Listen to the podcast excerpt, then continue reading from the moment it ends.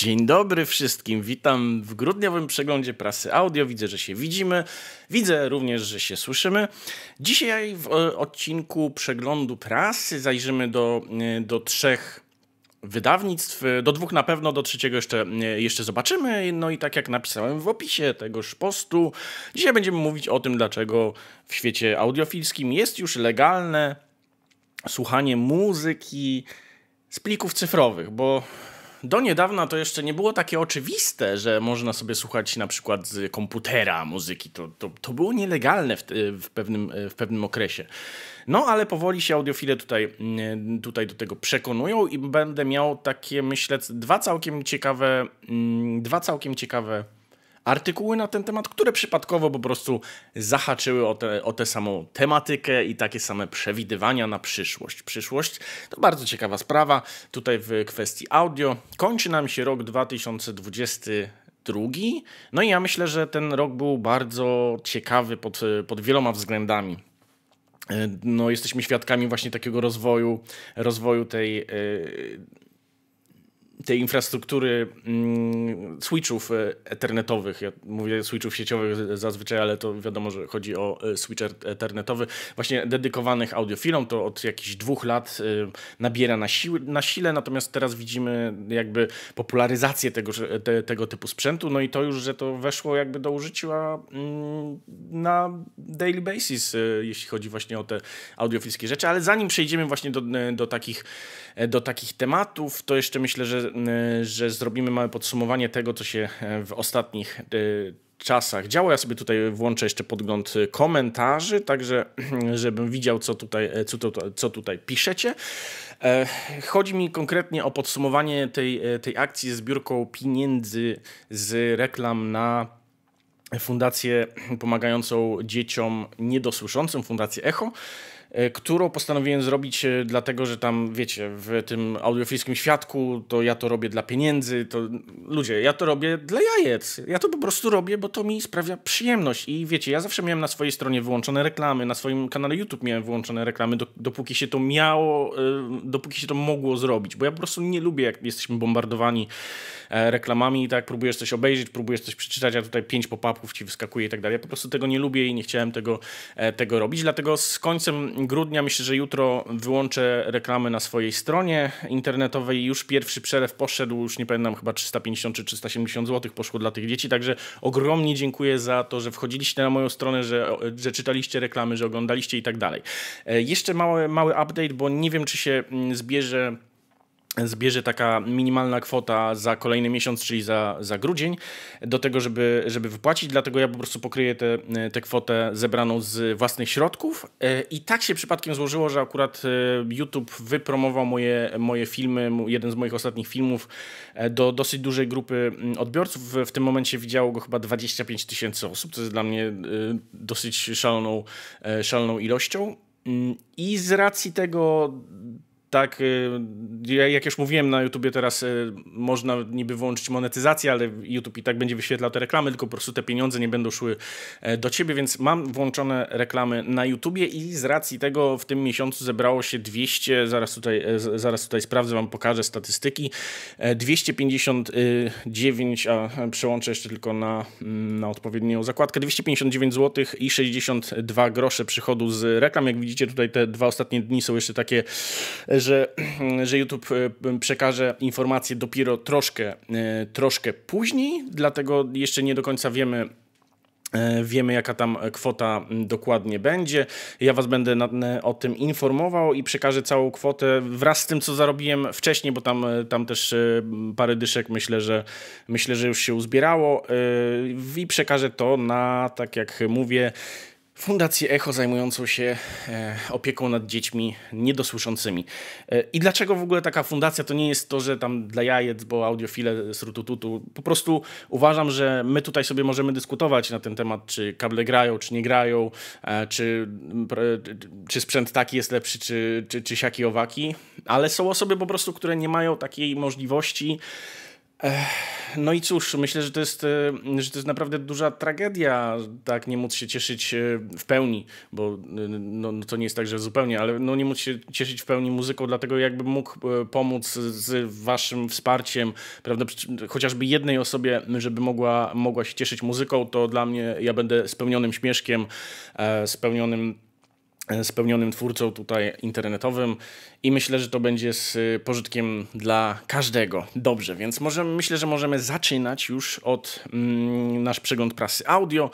Ja tutaj przygotowałem dla Was, tak jak mówiłem, cztery cztery teksty, zobaczymy jeszcze ile nam czasu na to zejdzie, bo chcę, chcę się zmieścić w godzinie, godzinie 15, żeby tutaj nie przedłużać, ale jeśli nam zostanie trochę czasu, to jeszcze mm, przejdziemy w taki trochę niezwiązany z tą tematyką, e, niezwiązany z tą tematyką um, artykuł i zaczniemy od, e, od tego, jak zarobić pierwszy milion e, i od akcesorium, z którego śmieją się sami audiofile, co się bardzo rzadko zdarza i to jest dla mnie w ogóle mm, fenomen pewien.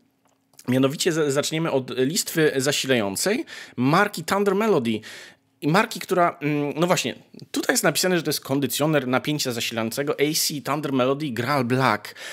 Cena w czasie testu 108 tysięcy złotych. Tylko, no właśnie, no już takie kondycjonery powyżej 100 tysięcy złotych gdzieś tam, gdzieś tam były, tak? Gdzieś tam jak, są, są firmy, które faktycznie te, tego typu sprzęt produkują. Natomiast to, co mnie zaskoczyło i zaskoczyło również rzesze audiofilii, które, które tak jak mówię, no dosyć, e, dosyć niespodziewane za, za, zaczęły się z, z tego um, urządzenia e, naśmiewać, no to się okazuje, że to, to, to nie do końca jest e, kondycjoner, ale o tym zaraz. W ogóle to też jest takie dosyć zabawne, że audiofile tutaj mówią, no jak to nie testowałeś czegoś, a tutaj mówisz, że to nie działa i tak dalej. No wiecie, ja nie muszę wkładać ręki do ognia, żeby wiedzieć, że on jest gorący, prawda? Mm, no a tutaj się okazuje, że że to nie dotyczy prawda, audiofilii. Jeśli im coś się nie spodoba, to, to oni mogą to e, krytykować, a e, ja nie. Także to jest taka ciekawa, ciekawa hipokryzja. Tutaj Paweł pisze, cześć, specjalnie powróciłem po latach na Facebook, aby cię na żywo słuchać. O, bardzo, bardzo miło. Dzień dobry, Pawle. Miło mi, że tutaj, że tutaj jesteś z nami. Więc zaczynamy. Przechodzimy tutaj do, do tejże tejże listwy zasilającej. Tak jak mówię, to nie do końca jest kondycjoner. No jak widzimy, tutaj jest spory dosyć klocek, on waży 30 kg ponad, jak się zaraz dowiemy. E, no i tak jak mówiłem, kosztuje on, mm, kosztuje on 108 tysięcy złotych w tej konkretnej wersji. To jest najwyższa wersja tegoż producenta i ma to 12 gniazdek. E, oczywiście marki Furutech, no bo to jest taka marka, mm, powiedziałbym, królująca wśród tych akcesoriów zasilających wśród audiofilii. No i tutaj czytamy e, tekst pana Wojciecha e, Pacuły-Sana. Thunder Melody jest jedną z najciekawszych firm audio, z jakimi się zetknąłem w ostatnich latach. Cieszy to, że firma z Polski, ale kraj pochodzenia jest e, tu tylko miłym dodatkiem, a same produkty mogłyby powstać w dowolnym, rozwiniętym audiofilsku kraju i były tym, by tym, byłyby tam zjawiskiem. To jest dosyć ciekawe. Co to znaczy, że kraj jest audiofilsko rozwinięty? Bo wydaje mi się, że my, e, Polacy, jesteśmy bardzo tutaj e, faktycznie tacy idący w to audio voodoo. E, przynajmniej mamy bardzo silną społeczność tego, tego audio voodoo i myślę, że jeszcze w Stanach Zjednoczonych jest, e, jest e, faktycznie też taka dosyć duża grupa osób, które, mm, które są zaangażowane w to audio voodoo. Do jakiejś tam, do, do Francji, Hiszpanii, Włoch to jakby nie zaglądam zbyt często, no bo muszę się, muszę się jakby posiłkować e, translatorami, a z tym różnie jest z tłumaczeniem bełkotu, który tutaj mamy. E, wydaje mi się, że jeszcze w Holandii jest dosyć, dosyć spora grupa osób, która wierzy w takie różne dziwne, dziwne rzeczy, no ale faktycznie Polska to jest bardzo rozwinięty kraj audiofilsko, jeśli, jeśli o to chodzi, o, właśnie o takie firmy produkujące różnego rodzaju akcesoria historia. No ale czytając dalej. Thunder Melody specjalizuje się w redukcji szumów RF i EM, czyli Radio Frequency Electromagnetic. E, stosuje w tym celu autorskie opracowania, oferując produkty antywibracyjne. To jest ciekawe e, redukować szumy elektromagnetyczne przez e, redukcję wibracji, prawda? No ale dobrze. Zasilające oraz kable połączeniowe. Jak mówił Rafał Chładziak, produkty te są wynikiem dwuletniej pracy w laboratorium. Nie, no ja im wierzę, że mają laboratorium. Na, na pewno tam zakładają takie labcoaty i sobie śmigają po, mm, po takim, wiecie, sterylnym laboratorium i sobie tam mierzą, słuchają i co, co by tam nie. No i pan Rafał mówi tak. Pracujemy w nim do dziś, w tym laboratorium, ale najważniejszy był początek. Szukamy, sprawdzamy, eksperymentujemy. Nie robimy tego chaotycznie, czyli przypadkowo, ale metodycznie, więc czego chcemy się dowiedzieć? To jest nasz kapitał. Okej. Okay. Oferta Thunder Melody podzielona jest na trzy serie: Silver, Gold i Black. Przy czym przy tej ostatniej, jak mówią konstruktorzy, nie ma górnego limitu cenowego, ponieważ można wówczas zastosować całe spektra technik. I to, y, w ogóle o tej filmie Thunder Melody już kilka razy było tutaj. Pan Wojciech Pacuła jest y, ogromnym ogromnym po prostu orędownikiem y, produktów tejże, tejże firmy. I nie wiem, czy pamiętacie, była taka listwa, przepraszam, podstawa antywibracyjna, która rzekomo po otwarciu miała ulegać samozniszczeniu. I nie do końca wiadomo, czy to chodzi o to, że tam wiecie, że, że cała magia wyparuje, czy, czy tam jest umieszczony jakiś ładunek wybuchowy, na pewno nie.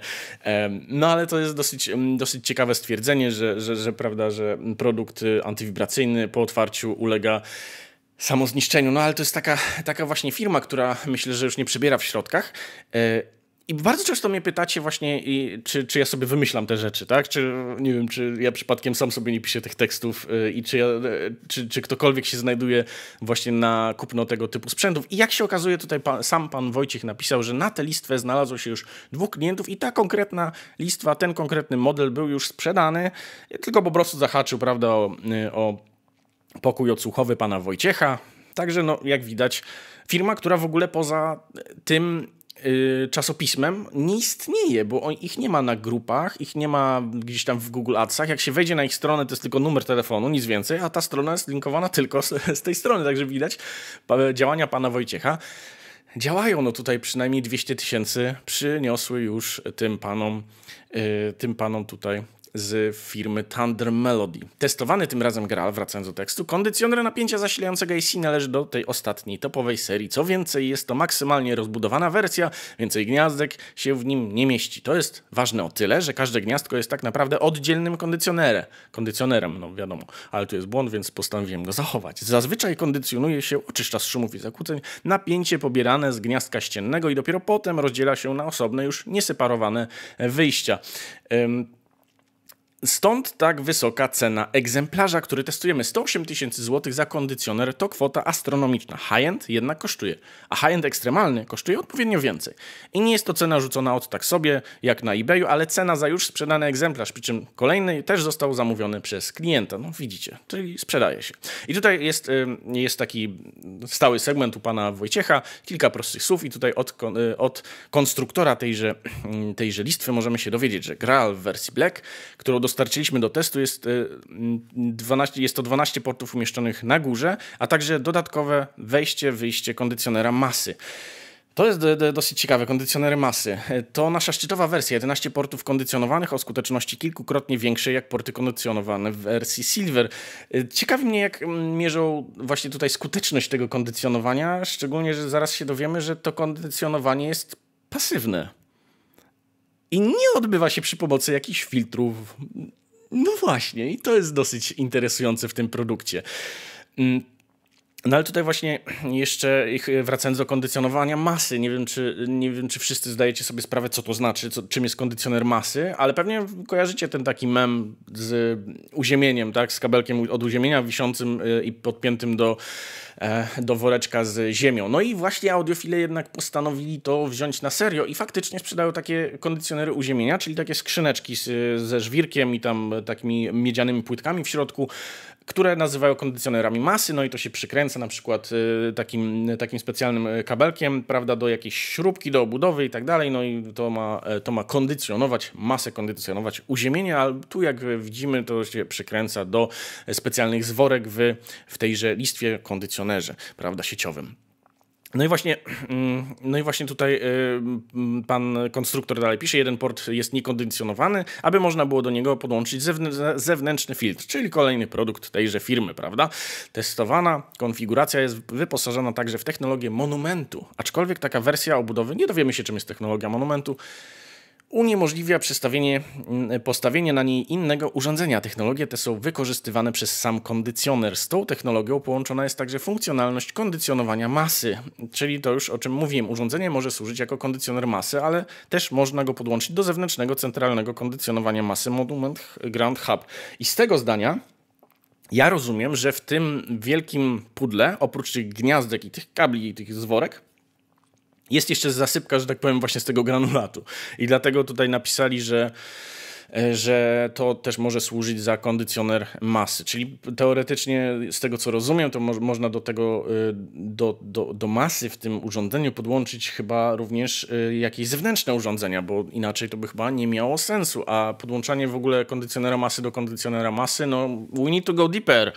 Mm, tutaj czytam komentarze. Mam gorączkę ponad 39 stopni. Oj, oj, oj, oj, oj. A i tak mam mniejsze majaki niż ci recenzenci i producenci. Zdrówka życzę. Wybrałeś sobie naprawdę niezbyt y, dobry moment na chorowanie, ale tak jak mówię, zdrówka. Wracając do kondycjonowania masy, jeśli nie mamy zewnętrznego kondycjonowania ani dedykowanego uziomu, wtedy zakładamy z, załączoną zworę na porty masy i tym sposobem korzystamy z uziomu linii audio. Niezalecane. Zaleca się podłączenie wyjścia uziomu do każdej innej linii, byle nie do linii audio.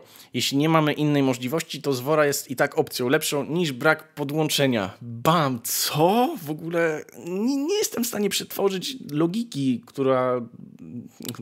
W ogóle podejrzewam tych ludzi o logikę. Co...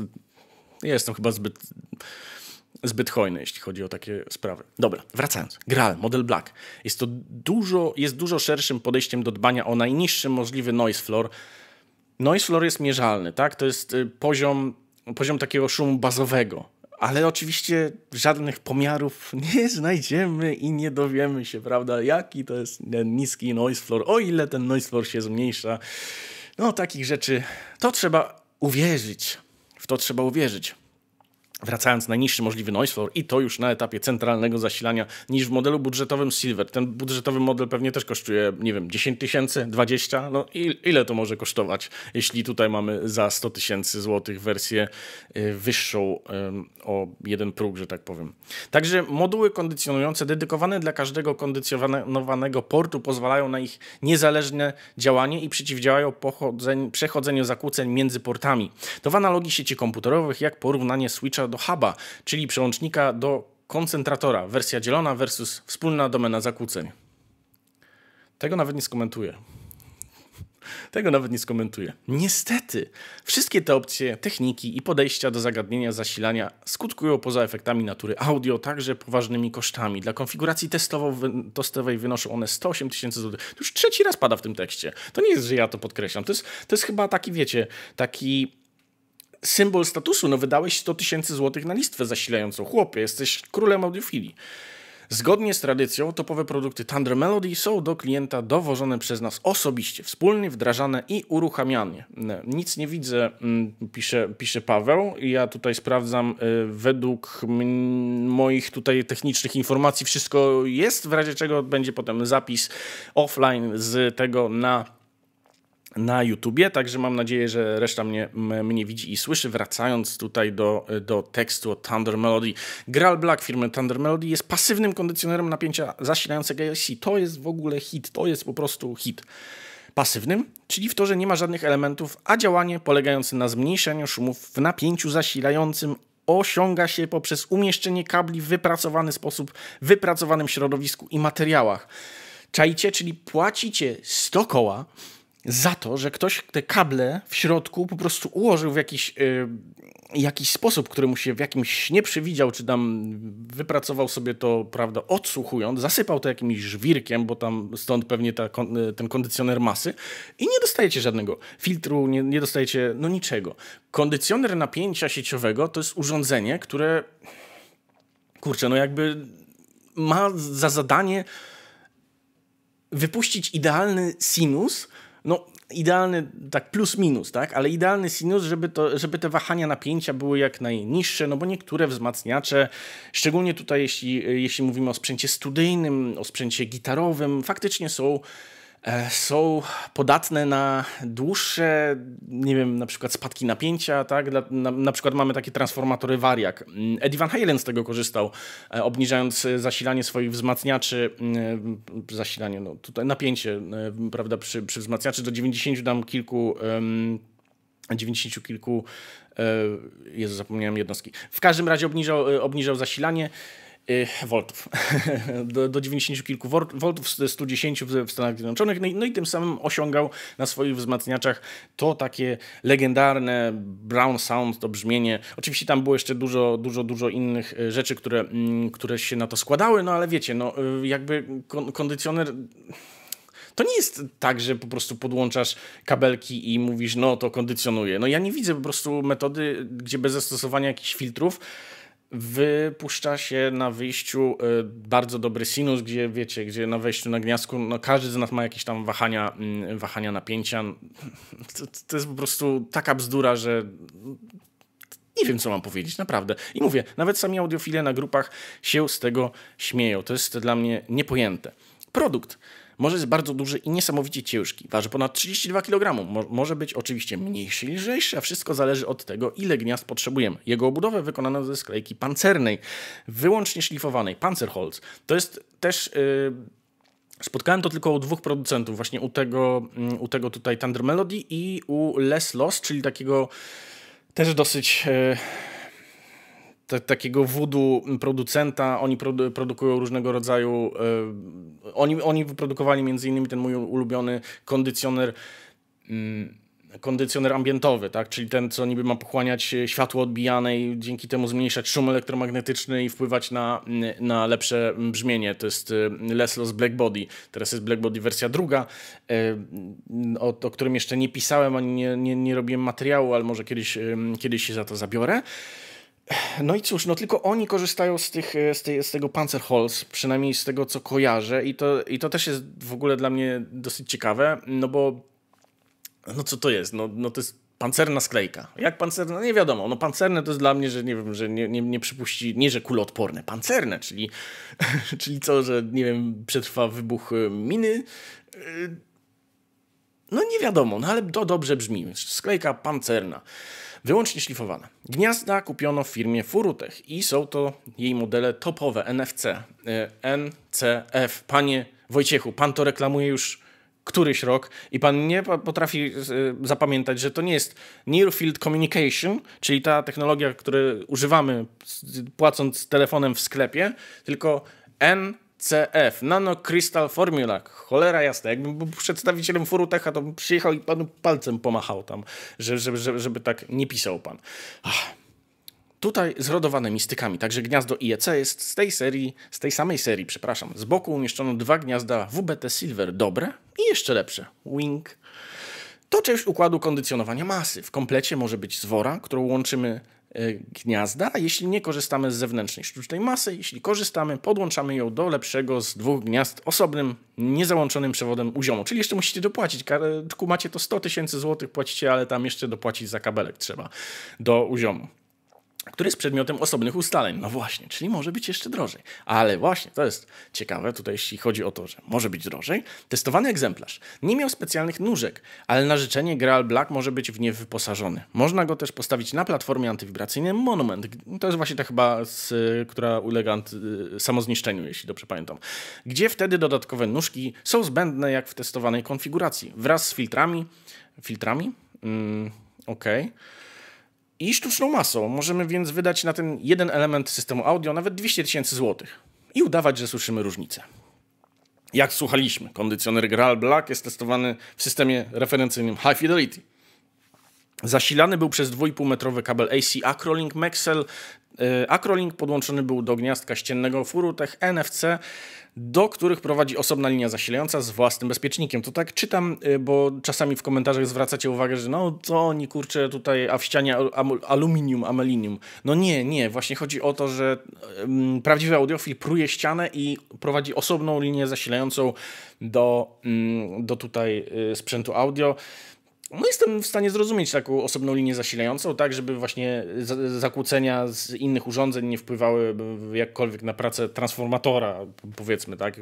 Czasami mogą się jakieś zakłócenia przebijać, no nie, nie wiadomo co, no okej, okay, ale oni to mają y, po to, żeby wsadzić w te ściany gruby, taki wiecie, audiofilski kabel zasilający i jeszcze wymienić, y, przepraszam, wymienić bezpiecznik w skrzynce bezpiecznikowych, bezpiecznikowej na taki oczywiście audiofilski. Także jeżeli tutaj jesteście nowi, to no cóż, oni dbają o wszystko. Jakby mogli, to by wymienili również mm, e, to by wymienili również podłączenie do, e, do transformatora.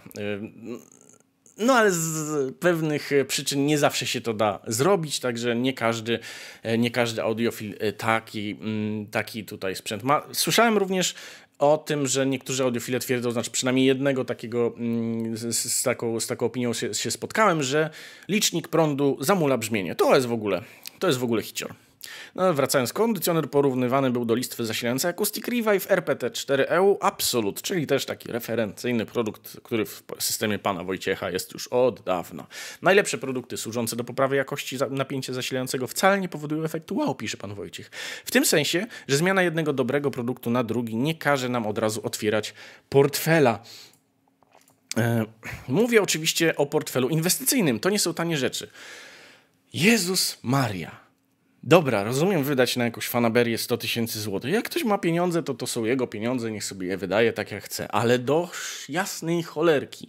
Jak można mówić o takim zakupie, że to jest zakup inwestycyjny? Zakup inwestycyjny to jest taki, który się po paru latach zwróci, tak? Odsprzedasz to z zyskiem, bo na przykład to jest, nie wiem, jakaś limitowana seria tych zasilaczy i e, tam za 10 lat e, ona będzie droga, bo pan Wojciech, e, prawda, na niej słuchał i to będzie i zachwalał i w ogóle nie wymienił przez 10 lat, no, no i okej, okay, to wtedy jest, e, ma wartość kolekcjonerską. Ale na jakiej podstawie mówicie, że, że mówisz pan, panie Wojciechu, że to jest inwestycja? Odsprzedanie takiej listwy to będzie po prostu jakaś katorga. To przecież nie można mówić, że to jest, że to jest inwestycja, skoro to nie jest inwestycja. No do, do jasnej, ciasnej. Wracając e, tutaj do tekstu, muszę przewinąć e, do góry stronę, bo jak wiemy, mm, u pana Wojciecha to, jest, e, to, to są dwa, dwa pionowe takie mm, łamy. Tak, czyli no tutaj trzeba, trzeba nieźle się namęczyć, żeby ten tekst przeczytać z płytą Hondy tutaj, czy coś jeszcze wcześniej było? Tak, oczywiście, jeszcze ominąłem całą, e, całą stronę. Ominąłbym. Trio Oscara Petersona z płyty We Get Request. Tyle razy wcześniej przeze mnie odsłuchane. Znowu było interesujące. No, pieronie.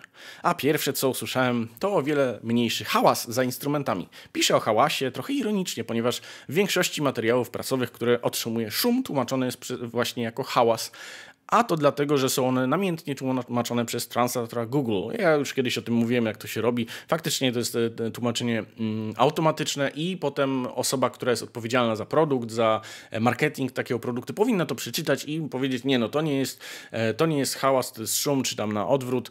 No ale tak się z jakiegoś powodu nie dzieje. Dziwne, biorąc pod uwagę to, jakie są nakłady inwestycyjne w marketing tego typu produktów. Mm, to błąd, ale niech będzie. Może zresztą w tym przypadku przypadku będzie to lepsze określenie, ponieważ dźwięk z kondycjonerem Graal Black sprawiał wrażenie jako całość, jakby był wyraźnie cichszy. To jest też natrętnie już w recenzjach pana Wojciecha, że jak coś właśnie tutaj coś testuje z, z, tych akcesoriów zasilających, to jak coś jest lepsze, to ten dźwięk jest ciszy, ale jak się później okazuje, jest głośniejszy. Mm, inwestycja to tekst dla żony. No tak, tak, tutaj e, Ferrari Geralt, masz, masz rację. Na pewno żona nie pogoni, jeśli przyniesiesz listwę zasilającą za 100 tysięcy złotych i powiesz, że to inwestycja. Mogłem więc podkręcić gałkę siły głosu o 1, a nawet o 2 dB, aby otrzymać subiektywnie dźwięk o tej samej głośności, przez co znacząco wzrosła dynamika sygnału. Wcześniej doskonała bez cienia problemów, teraz była po prostu wyższa, jak gdyby z przekazu, który miałem, usunięto lekkie spięcie wewnętrzne. O, to ciekawe, spięcie wewnętrzne. Coś jakby listwa Acoustic Revive musiała skupić się na tym, aby wszystko było perfekcyjne, a kondycjoner robił to bez wysiłku. Niby w dźwięku nic się nie zmieniło, w obydwu przypadkach było to podobne myślenie o przekazie, jednak efekt był odmienny. Jak ładnie napisać, że nic się nie zmieniło, ale jednak zachęcić do kupna listwy. No, jak widać można. Ja w ogóle jestem pod wrażeniem tego, jak jak ci recenzenci piszą, że to są ogromne zmiany, a potem tak, wiecie, tak trochę mm, tak defensywnie mówią, no ale to trzeba mieć do, do, odpowiednio dobry sprzęt i wytrenowane ucho, żeby usłyszeć tę listwę zasilającą. No na pewno, na pewno. Lepsze niż y, mikrofony pomiarowe. Kondycjoner Thunder Melody zrobił coś odwrotnego niż wcześniej. To jest lekko przybliżył instrumenty do mnie i pokazał je w większym wolumenie. Tu już mówimy o kolejnej płycie.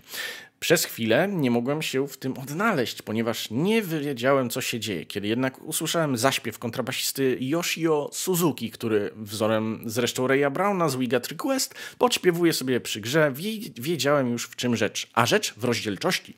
Teraz była ona wyższa, przez co pomrukiwania muzyka, jego zaciągnięcia itd. były mniej zakłóceniem, a bardziej kolorytem. O ile do Browna i jego nucenia jestem przyzwyczajony, o tyle Suzuki robi to mocniej, przez to czasem mam z tym kłopot. A z Gralem w wersji Black było to naturalnym rozciągnięciem muzyki w bok. Ja cię kręcę. Oh. No, jest grubo, jest grubo, naprawdę. Z płytą Hondy nie musiałem podkręcać gałki, aby brzmiało to w podobny sposób co wcześniej, czyli znowu jest głośniej, nie jest głośniej, nie trzeba podkręcać, trzeba podkręcać, można, nie można, nie wiem, nie wiem, nie wiem, nie wiem. Ale mogłem to zrobić z utworem The Look of Love z tej samej płyty. Pochodzącym z kolejnej płyty, przepraszam, e, Silk and Soul Nini Simon. Być może dlatego, że dźwięk został na jego potrzeby zarejestrowany w podobnej manierze co trio Petersona. Bardzo mnie interesuje to, że pan Wojciech pisze tutaj o, bardzo często właśnie o realizacji nagrań, a wydaje mi się, że poza tym, że prawda, przeczytał parę rzeczy i dopasował to do swojej jakby narracji, to tak nie za bardzo ma pojęcie, jak to w praktyce wygląda. No bo po prostu realizatorzy nie korzystają z takich, e, z takich e, ustrojstw. No ale prawda, zachęcam do pójścia do studia nagraniowego, oczywiście takiego, gdzie pracuje normalny realizator y, nagrań i on wytłumaczy, jakich kabli używają. Gwarantuję, że to nie zawsze są tanie kable, ale oni potrafią wytłumaczyć, dlaczego konkretnie takie kable w takim zastosowaniu i to nie są kable, które kosztują 1000 zł za metr. W żadnym wypadku, w żadnym. Mm, dzień dobry pan Ton, dzień dobry pan Radosław. Wracając... Y, być może dlatego dźwięk został nie, nie, na jego potrzeby zarejestrowany w podobnej manierze co trio Petersona, to już było. To jest w nieco stłumiony sposób, jak gdyby instrumenty stały obok ściany z pochłaniającego materiału. Nawet takie rzeczy słychać. A Thunder Melody wydobył z sygnału więcej informacji, przez co mogłem słuchać płyty głośniej, dostając po prostu więcej dźwięków w dźwięku i cukru w cukrze. Było to bogatsze odtworzenie. Mm bogatszy o 100 tysięcy złotych. Pod względem równowagi tonalnej Graal Black jest bardzo zbliżony do tego, co daje listwa Acoustic Revive. To dobrze. Uważam, że to właściwie kierunek. Myślę, że moja listwa komputerowa ma podobną sygnaturę dźwięku, ale co ja tam mogę wiedzieć. Uważam to za właściwy kierunek. Wiele kondycjonerów i listw od, odchudza dźwięk, rozjaśnia go albo wyostrza. Czasem robi to wszystko naraz. Testowany kondycjoner jest kompletnie inny. Przyciemnia dźwięk, jeśli już, ale przez to, że likwiduje wszystkie te szeleszczące zniekształcenia. Mhm. Czasem podawane wraz z dźwiękiem, czasem za nim, ale zawsze irytujące. Podobnie działa Acoustic Revive. Polski producent inaczej jednak traktuje instrumenty w stereoskopowej przestrzeni. Listwa mocno akcentuje, o widzicie, to już listwa, nie kondycjoner. Mocno akcentuje elementy na osi, dając ich duży, bliski obraz. Z kolei to, co jest daleko w tyle, jeszcze ciut oddala. Thunder Melody tonuje trochę te skrajności. Nie wiem, co jest właściwe, a co mniej, ponieważ obydwa przekazy są fascynujące, ale polski produkt bardziej pod tym względem spodoba się osobom, które nie lubią bliskiego dźwięku, ale wciąż chciałyby, aby był on rozdzielczy, namacalny i selektywny. Tutaj widzę, pojawiły się kolejne komentarze. Gdzie kupię audiofilski kabel do Prodig'a? No myślę, że w sklepie z audiofilskami. Jakimi kablami do Prodig'a? Ciasto podczas pieczenia wydaje się dziwne dźwięki i kiedy je gryzę, e, głośno mlaskam. No to trzeba kondycjoner jeszcze zasilania do tego Prodig'a. Muzycy są tak blisko, że prawie można wyciągnąć rękę i po, pokręcić gainem, tak, i jeszcze podać im szklankę z piwem. Gral taki właśnie jest, w sensie nie, że podaje szklankę z piwem, ale jest namacalny i selektywny. Jak się okazuje? Pokazuje dźwięki w znakomicie zrównoważony sposób, rozseparowane, ale i łączne, czyli razem, ale osobno, albo osobno, ale razem. Ma przy tym skłonność do pokazywania i skupiania się na większych planach, a tak to przynajmniej odbieramy. Kiedy płyta, kiedy Enya Fairy Tale z płyty The Cells ustawiona jest przez realizatora daleko z tyłu, a chórki lekko po bokach, nieco bliżej to z kondycjonerem otrzymujemy płynną całość z rozłożonymi w półkolu wokalami artystki. Jest jeszcze jednak rzecz, na którą widzicie, czyli to jest kolejna listwa masteringująca. Jest jeszcze jednak rzecz, na którą chciałbym zwrócić uwagę, pisze pan Wojciech. Gral Black zwraca naszą uwagę na środek pasma. Mm, czyli nie podkreśla, jest neutralna, ale zwraca uwagę na środek pasma. Mówi, ej, mordo, tutaj. Nie, żeby chował jego skraje, nie w tym rzecz. Zarówno wysokie, jak i niskie dźwięki są doskonale czytelne i kontrolowane. Kiedy wspomniany wyżej utwór się kończy, otrzymujemy bardzo mocny i niski impuls. I polski kondycjoner doskonale go pokazał. Tu, tu, tu, o tutaj.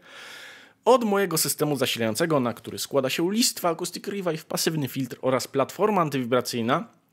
Czajcie? Listwa, pasywny filtr, ok, oraz platforma antywibracyjna pod listwę zasilającą. Tak, audiofile to robią. A także obejmy antywibracyjne firmy Furutech. O, to też jest ciekawe. To są takie obejmy wokół kabla, troszkę przypominające, e, przypominające te ferrytowe takie, mm, e, właśnie takie obejmy, ale z racji tego, że one są e, firmy Furutech, no to tam, tam jest zasypane tym furutechowym żwirkiem i no to ma być niby antywibracyjne. to, są dopiero, to są dopiero jaja. No ale wracając, testowany kondycjoner różni się w trzech elementach. Wyczyszczenia dźwięku z tła, które okazuje się zniekształceniami, a także skalą i namacalnością dźwięku. Oczywiście tego wyczyszczenia tła to w żaden sposób nie pokażę, to trzeba poczuć, mordo, cholera jasna, tonie składowy. Co ty w ogóle mówisz? Usłysz, tonie, usłysz! Pierwszy z tych elementów jest w oczywisty sposób w polskim produkcie lepszy. Jest tym samym najlepszy ze wszystkiego, co do tej pory u siebie słyszałem. Z kolei drugi i trzeci są po prostu inne. Podsumowanie. Barwowo Grell Black jest jednym z najprzyjemniejszych produktów służących do zasilania urządzeń, jakie słyszałem, pisze pan Wojciech. Dostajemy z nim bardzo szerokie pasmo przenoszenia, aktywny są obydwa skraje pasma i są one świetnie kontrolowane. Tyle, że nasza uwaga skupiona jest na gęstej, niemal ciepłej średnicy. Przestrzennie to również doskonała kreacja z odsuniętym od pierwszym planem i prowadzącą daleko w głąb sceny panoramą. Jeśli chodzi o dynamikę, to jest to po prostu petarda, że tak powiem. Petarda. Inaczej niż zwykle nie jesteśmy napastowani dźwiękiem, ponieważ to dynamika realna, a nie podkreślony atak. Dźwięk rozwija się przed nami niespiesznie, z precyzją i rytmem, o które w audio walczymy. Dzięki niższemu szumowi możemy podkręcić gałkę siły głosu wyżej niż z innymi najlepszymi produktami tego typu. Dźwięk nie tyle, że będzie głośniejszy, a będzie bardziej naturalny w swojej dynamice. Koniec tutaj tego tekstu. Zajrzę jeszcze do do komentarzy, co tutaj się, się dzieje. Na Śląsku ci audiofile musieliby dom postawić na podstawie antywibracyjnej, żeby im igła nie szurała przez pracę górników. To jest w ogóle y, ciekawe, ja o tym mówiłem, ale wydaje mi się, że, zbyt ogólnie w, w, moim ostatnim filmie na temat, y, na temat właśnie zasilania chciałem to rozwinąć o, o, o te japońskie właśnie takie podejście do zasilania. Właśnie, bo japońscy audiofile, oni są uważani za tych najbardziej audiofilskich, że tak powiem. I jakby to, jakby to ując, no u nich mamy dwa rodzaje prądu, nawet trzy czasami, bo mamy prąd 50 Hz i 60 Hz. Na jednej stronie wyspy, która korzystała z urządzeń e, niemieckich jest, e, jest 60 Hz, a na e, drugiej stronie, która korzystała z generatorów amerykańskich, to tam jest 50 e, Hz. No i okej, okay, ten prąd się różni i dlatego właśnie też na japońskich sprzętach mamy ten przełącznik 50-60 Hz, albo tam, prawda, te, te, te, sprzęty są bardziej, że tak powiem, inaczej troszkę zaprojektowane, może, może w, tym, w tym sensie, to też mocno ogólniam. E, ale właśnie to, to też jest ciekawe, że po prostu audiofile z, z Japonii wybrali sobie, który, która częstotliwość prądu jest bardziej audiofilska i oni się przeprowadzają właśnie na tę część wyspy, gdzie jest ten bardziej audiofilski prąd. Tylko w tym momencie nie pamiętam, czy to jest 50 Hz, czy 60 Hz, ale sam jestem w ogóle ciekaw, e, czy właśnie, czy zmiana częstotliwości tutaj zasilania miałaby e, wpływ na na brzmienie, bo tak jak mówiłem, no samo napięcie może mieć, jeżeli je obniżymy w sposób stały, oczywiście takim wariakiem czy innym, a tutaj częstotliwość, no nie wiem, jeżeli macie na ten mm, pomysł, na, na ten tutaj na tą rzecz, y, o, o, tym jakieś pojęcie, to proszę piszcie w komentarzach. Ja się bardzo chętnie na ten temat coś y, dowiem. Alan pisze, dźwięk rozwija się nieśpiesznie, doskonałe, a co gra zagęszcza powietrze i fala dźwiękowa wolniej się rozchodzi. A może, a może to jest właśnie to, że on się tam grzeje i to powietrze, prawda, zmienia swoją strukturę? Kurczę, no to jest dobry trop, to jest dobry trop. Dobra, lecimy dalej w takim razie. Tutaj się przełączę na... Mm, na nasz, y, na nasz podgląd i zostajemy przy High Fidelity. High Fidelity, właśnie. I pan Wojciech e, Pacuła, który jest e, no, z Krakowa, y, on prowadzi albo współprowadzi, nie jestem, nie jestem pewien, coś takiego jak Krato, krakowskie, przepraszam, Towarzystwo Soniczne. I to są po prostu, to jest grupa tam przyjaciół, znajomych, którzy się spotykają i mm, słuchają muzyki i bardzo często to jest połączone z różnego rodzaju wykładami. I właśnie tutaj e, przechodzimy już do głównej części tegoż, tegoż odcinka, bo ten ostatni, to ostatnie wystąpienie było było prowadzone przez pana Marcina Ostapowicza, który to jest. Już parę razy tutaj były omawiane jego jego produkty. On, jest, y, on sprzedaje karty sieciowe, karty muzyczne różnego rodzaju, wiecie, jakieś tam kondycjonery, zasilania i tak dalej. No jest takim guru e, takiego PC audio, że tak powiem, czyli te, w tej wersji e, mocno audiofilskiej. On zaprojektował ten odtwarzacz e, JPlay, który e, to funkcjonował jako, w, wpierw jako jako wtyczka do Fubara, a potem później jako właśnie taki osobny zasilacz. I tutaj się dowiemy bardzo wielu rzeczy właśnie o słuchaniu muzyki z e, komputera. Tak jak mówiłem jeszcze kilka lat temu, dobrych, e, to było nielegalne. Ja pamiętam właśnie jak będąc jeszcze na studiach chciałem sobie złożyć e, taki prosty, no nawet nie zestaw audio, ale jakiś taki, coś takiego, żebym sobie mógł e, posłuchać muzyki w dobrej jakości. No i stwierdziłem, cholipka, po co mam kupować jakieś wzmacniacze, jakieś, prawda, e, jakieś streamery i tak dalej, skoro sobie mogę puścić sygnał z komputera do słuchawek, tylko po prostu sobie kupię jakąś porządną no, porządną kartę muzyczną z jakimś tam dakiem i tak dalej, i tak dalej. No i zapytałem o to na jakimś tam forum, już nie pamiętam jakim, no ale można podsumować e, to, co tam się działo na mordo. Słuchaj, ty se uszy połamiesz, jak będziesz na komputerze muzyki słuchał. Czemu? Nie wiadomo, bo właśnie tutaj też to będzie mm, powiedziane, ponieważ e, w tamtym czasie jeszcze nie było produktów dedykowanych e, audiofilom, jeśli chodzi właśnie o słuchanie muzyki z komputera. Teraz mamy audiofilskie komputery audiofilskie transporty, mamy kable SATA audiofilskie, mamy y, dyski twarde, które są, mm, które są audiofilskie, mamy różnego rodzaju, wiecie, zasilacze liniowe e, audiofilskie. To też jest w ogóle bardzo ciekawe, bo mm, o właśnie, miałem publikować, y, w najbliższych dniach opublikuję wyniki ślepego testu kabla zasilającego, który to, mm, który to się znalazł na moim kanale YouTube. Ktoś, kto jeszcze nie widział, ma szansę wziąć w takim e, teście udział. To jest kabel zasilający do wzmacniaczy gitarowych marki DL. I tam, I tam e, są dosyć ciekawe odpowiedzi, prawda, bo tam dałem takie próbki ABCD, żeby prawda, przypasować e, to do, do odpowiednich kabli. No i tam niektórzy oczywiście mówią, że słyszą ogromną różnicę. No i okej, okay, ale bardzo mnie zaciekawiła jedna odpowiedź, gdzie pewien pan napisał, że, że słyszy różnicę na początku, wiecie, tam jest taki segment, gdzie odtwarzamy reklamę prawda, tego kabla, które, którą to producent zamieścił na, e, na swoim kanale na Facebooku gdzie po prostu jeden, jeden fragment no faktycznie inaczej brzmi niż inny, a ja to zrobiłem tak, że po prostu próbkę pociąłem i w pewnym momencie po prostu podniosłem głośność o 6 dB. No i pan powiedział, że no, on tutaj na początku też słyszy różnicę w brzmieniu. I słuchajcie, ja mu wierzę, ja mu wierzę, tylko wiecie, y, ja mu mówię, no ale to jest ta sama próbka, to, to, są, to, to nie są dwie różne próbki, to jest jedna i ta sama próbka, tylko głośność jest podniesiona o 6 dB. No i on się zaczął zastanawiać, no jak tak, to troszkę dziwne, no. I doszedł do wniosku, że mam nieliniowe zasilanie w komputerze. Y, składałem to na, y, na mm, laptopie, w sensie montowałem film na laptopie, I tak, to chodzi o nieliniowość, ale nie mojego zasilania, tylko słuchu, bo jeżeli coś jest głośniejsze, to faktycznie pewne częstotliwości są inaczej mm, przez nas słuch odbierane. To jest nieliniowość słuchu, proszę pana. No ale jak widzicie, różne są teorie i jak widzicie, marketing w tym, yy, w tym wydaniu, który tutaj oglądamy, chyba jednak działa na tych ludzi. Yy, tak, pierwszą myślą tego pana było to, że, że mam nieaudiofilski, nieliniowy zasilacz do komputera, a nie to, że kurczę, może faktycznie to, że podniosę głośność, to znaczy, że troszkę inaczej e, będzie to brzmiało. No ale to jest, to są ciekawe, ciekawe ciekawostki. Krakowskie Towarzystwo Soniczne, spotkanie 136 wracając. I tutaj pan Marcin, który jest z Wrocławia, pozdrawiam serdecznie, o sztuce odtwarzania plików opowiada. I we wstępie czytamy. O tym, co jest ważne w odtwarzaniu plików, czym różni się streaming od odtwarzania z dysku lokalnego i czym jest jego najnowszy transport plików Exact S1, opowie właściciel firmy firm JPlay, JCAT i Exact.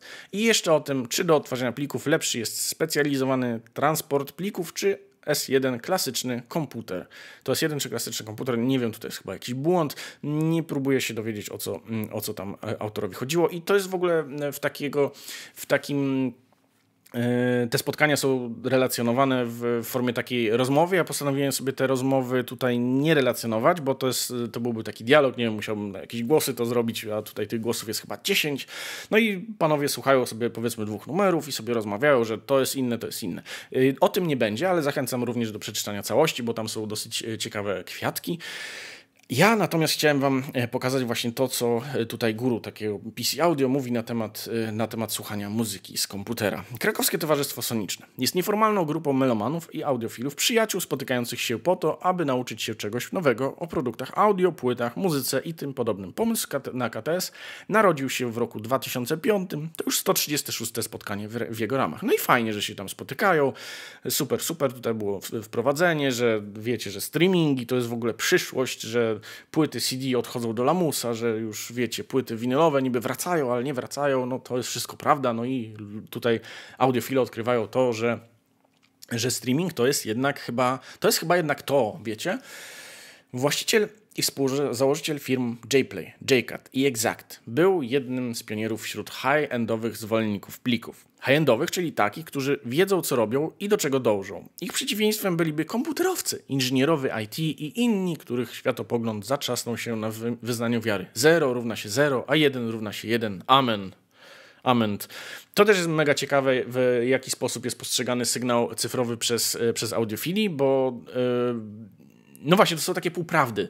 No bo y, według audiofilii sygnał cyfrowy to nie jest y, 0,1, tylko to jest prąd, a w zasadzie to jest napięcie, które, y, które się zmienia w kablu, a więc, y, więc jest podatne na analogowe zakłócenia. I tak, to jest prawda, tylko że te analogowe zakłócenia nie wpływają na sygnał cyfrowy, który jest zakodowany. I żeby, żeby zmienić jakiś tam, wiecie, bas i tak dalej, to ten sygnał musiałby być odkodowany, y, no i po prostu w jakiś sposób y, zmieniony. No i jasne, można powiedzieć, no ale przecież są, y, jest nadmiarowość danych, jest, są są algorytmy, prawda, które, które tutaj zapobiegają błędom. No na to, jak widać, też audiofile mają swoją, swoją tutaj odpowiedź. Chodzi mianowicie o to, że na przykład w, w przesyle USB jest przesył izochroniczny, czyli ten, który nie wykorzystuje, e, nie wykorzystuje prawda, tych nadmiarowych danych i, e, i korekcji, korekcji błędów. Tutaj mi wypadło z głowy. No i wiecie, no, to są takie półprawdy, ćwierć prawdy, które no, jakby pokazują na to, że ci ludzie po prostu nie rozumieją, w jaki sposób działa sygnał cyfrowy ale nie przeszkadza im to w tym, żeby właśnie, żeby, prawda, wygłaszać takie, takie tezy publiczne i to jest mega, mega, mega, mega, mega, mega, mega, mega ciekawe, ale może o tym powiemy sobie kiedy indziej, bo też szykuję na ten temat jeden materiał. Wracając, 0 równa się 0, a 1 równa się 1, amen. Pamiętajcie, to tak nie jest. Jego program do odtwarzania plików JPlay w krótkim czasie stał się głównym rywalem amerykańskiego odtwarzacza Audirvana, a rozwiązania, które ze sobą przyniósł, wyprzedzały to, co lata później skodyfikował w swoim systemie Rune. Program pracował na komputerach osobistych, zwykle jako wtyczka do Fubara 2000. Były to czasy, w których Marcin był przekonany, że najlepszym źródłem sygnału cyfrowego z rozpakowanych plików jest właśnie komputer. Najlepiej z zewnętrznym liniowym zasilaczem, specjalnymi kartami dźwiękowymi, okablowaniem i tym podobnym. Wszystko to dostarcza firma JCAT. I tutaj pan, tutaj, Jezu pan, tutaj Marcin pisze, jak są wyższe harmoniczne, a kabel nie jest wygrzany, to jest 1 i 3 czwarte. No dokładnie, no, znaczy wiecie, no to faktycznie to jest sygnał kwadratowy powiedzmy, tak, no ale jak mu tam wyskoczy trochę ten spike, to on nie musi być idealny. To jest właśnie, to jest właśnie sedno przesyłu cyfrowego, że, że no nie potrafię sobie prawda, wytłumaczyć tego, w jaki sposób można, y, można dojść do takiego wniosku, że, że wiecie, że skoro to jest prąd, prąd, no to ulega zakłóceniom i prawda, sygnał cyfrowy się zmienia w, podczas przesyłu jakimś tam kablem. To jest po prostu Wiecie, ja też nie do końca rozumiem y, kwestie przesyłu sygnałów cyfrowych, bo to są kwestie bardzo skomplikowane, ale właśnie tacy producenci, nie, nie mówię tutaj tylko y, o tym, ale właśnie producenci róż, różnego rodzaju y, switchów internetowych, ja mówię internetowych, Jezus Maria, to jest straszny błąd, ale wiecie o co mi chodzi, internetowych switchów, wykorzystują takie, takie właśnie półprawdy do tego, żeby sprzedawać swoje produkty i to sprzedawać za naprawdę ciężkie pieniądze. No ale jak im to sprawia przyjemność, to są ich pieniądze. Nic mi do tego. To jednak zmieniło się z czasem. Marcin e, przekonywał się coraz bardziej do specjalizowanych transportów plików. Ukoronowaniem tej transformacji mentalnej jest wspomniany transport Exact S1. Zaprosiliśmy więc Marcina na spotkanie Krakowskiego Towarzystwa Sonicznego z prośbą o krótki wykład dotyczący plików i sposobów ich odtwarzania. Jego główna część poświęcona była jednak odpowiedzi na pytanie, które co jakiś czas zadawał mi Julek Soja, u którego to jest właściciel firmy Sojaton, która dziwnym trafem też często bywa w High Fidelity u którego mm, się co jakiś czas spotykamy, brzmiało ono mniej więcej tak. Co jest lepszym transportem plików? Komputer czy dedykowane urządzenie? Ojejku. W podtekście była chęć porównania jego własnego systemu bazującego na komputerze PC oraz przetworniku cyfrowo-analogowym firmy Lampizator do transportu Marcina. No i kilka prostych słów, czyli tak jak mówiłem, to jest taki stały segment tutaj pan Marcin y, opracował ten tekst. Tworzę oprogramowanie i różne akcesoria, a teraz zbudowałem transport służący do odtwarzania plików na wysokim poziomie. Już kiedy miałem 19 lat, zająłem się testowaniem specjalistycznych wtyczek do Fubara.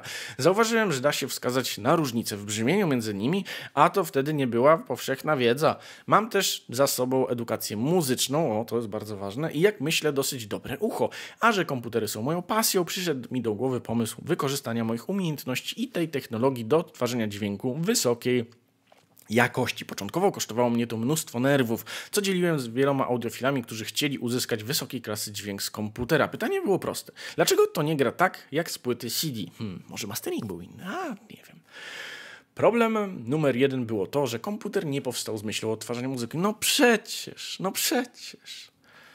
Tylko wiecie, jak włożycie tam audiofiski kabel SATA, to wtedy jest. Tak. Może robić wszystko równie dobrze, ale nie do końca tę jedną rzecz, na której nam zależy, czyli odtwarzać pliki. Punktem dojścia do tych wszystkich lat, przepraszam, punktem dojścia tych wszystkich lat i przemyśleń jest S1, czyli transport plików mojej nowej marki Exact. To też jest komputer, żeby była jasność, ale to komputer specjalizowany, służący tylko do odtwarzania plików z napisanym pod tym kątem oprogramowaniem. Wielu uważa, że transportem może być dowolny komputer i wystarczy, że będzie on odtwarzał sygnał w trybie bit perfect, czyli że sygnał audio będzie miał dokładnie te same parametry co w pliku i że w niezmienionej postaci trafią na wyjście cyfrowe. To zupełnie tak nie jest. Tak naprawdę problem z cyfrowym sygnałem muzycznym polega na tym, że wyzwania z nim związane są wyzwaniami analogowymi. O, i to jest właśnie to, o czym mówiłem. Sygnał cyfrowy jest konkretny, ma konkretną wartość napięcia, która zmienia się w czasie. Jest on zakłócany i są to zakłócenia w dużej mierze analogowe, zmieniające jego kształt. Tak, zmieniające kształt sygnału cyfrowego, no na pewno. Z komputerami problem jest dwojaki, hardware'owy i software'owy. Jeśli weźmiemy dwa różne komputery i zmusimy je do odtwarzania bit perfect, to chociaż sygnał jest na ich wyjściu będzie miał dokładnie te same parametry, czyli i jakość bitów, przepraszam, ilość bitów i częstotliwość próbkowania co plik, to rezultat dźwiękowy będzie inny. Hmm, może chodzi o głośność, nie wiem, nie wiem. To tak, jakbyśmy poszli do różnych restauracji. O, lubię te, lubię te po prostu porównania. To tak, jakbyśmy testowali wina. To tak, jakbyśmy poszli do restauracji. To tak, jakbyśmy coś tam. No, ludzie, to, to jest argument ad przedszkole. No po prostu. To tak, jakbyśmy poszli do różnych restauracji, zamówili to samo danie, zrobione tak samo, z tych samych składników, a i tak będą smakowały inaczej. A to dlatego, że oprócz przepisów i patelni, czy garnków oraz składników, jego smak zostanie uzyskany w odmienny sposób. I to na pewno ma. Yy, ma prawda, wpływ y, na, na sygnał cyfrowy. Tak.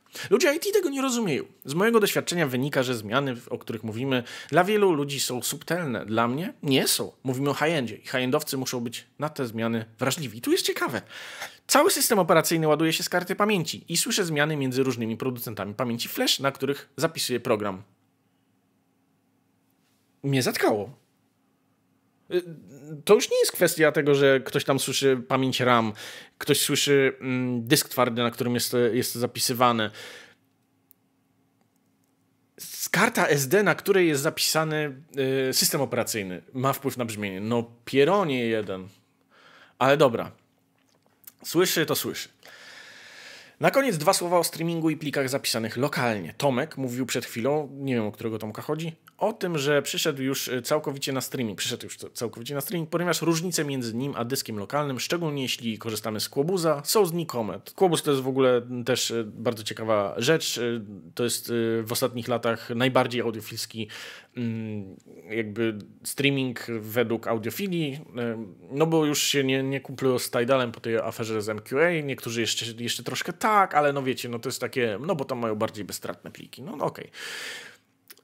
Bardzo długo broniłem się przed tym krokiem i uważałem dysk HDD czy SSD za bezwarunkowo lepszy. Kiedy odpaliłem S1, stwierdziłem, że streaming na tym etapie jest jednak po prostu doskonały. Ale po jakimś czasie wróciłem do korzeni i uważam, że gra jest jednak warta świeczki i dobrze zaaplikowany dysk twardy lub SSD z dobrymi plikami przynosi lepszy dźwięk. Poza tym nie da się streamować sygnału DSD, da się go grać tylko lokalnie, ale jak mówię, streaming z chmury jest już na bardzo wysokim poziomie. Nie wiem, co tutaj dokładnie chodzi o to, że nie da się streamować sygnału DSD, czy chodzi o to, że po prostu nie ma, nie ma serwisów streamingowych, które wysyłają e, sygnał DSD czy, czy chodzi o coś innego. No tutaj takie natywne pliki DSD, no jest ich niewiele, jest ich naprawdę niewiele, bo jednak e, PCM kodowanie jest, jest bardziej popularne.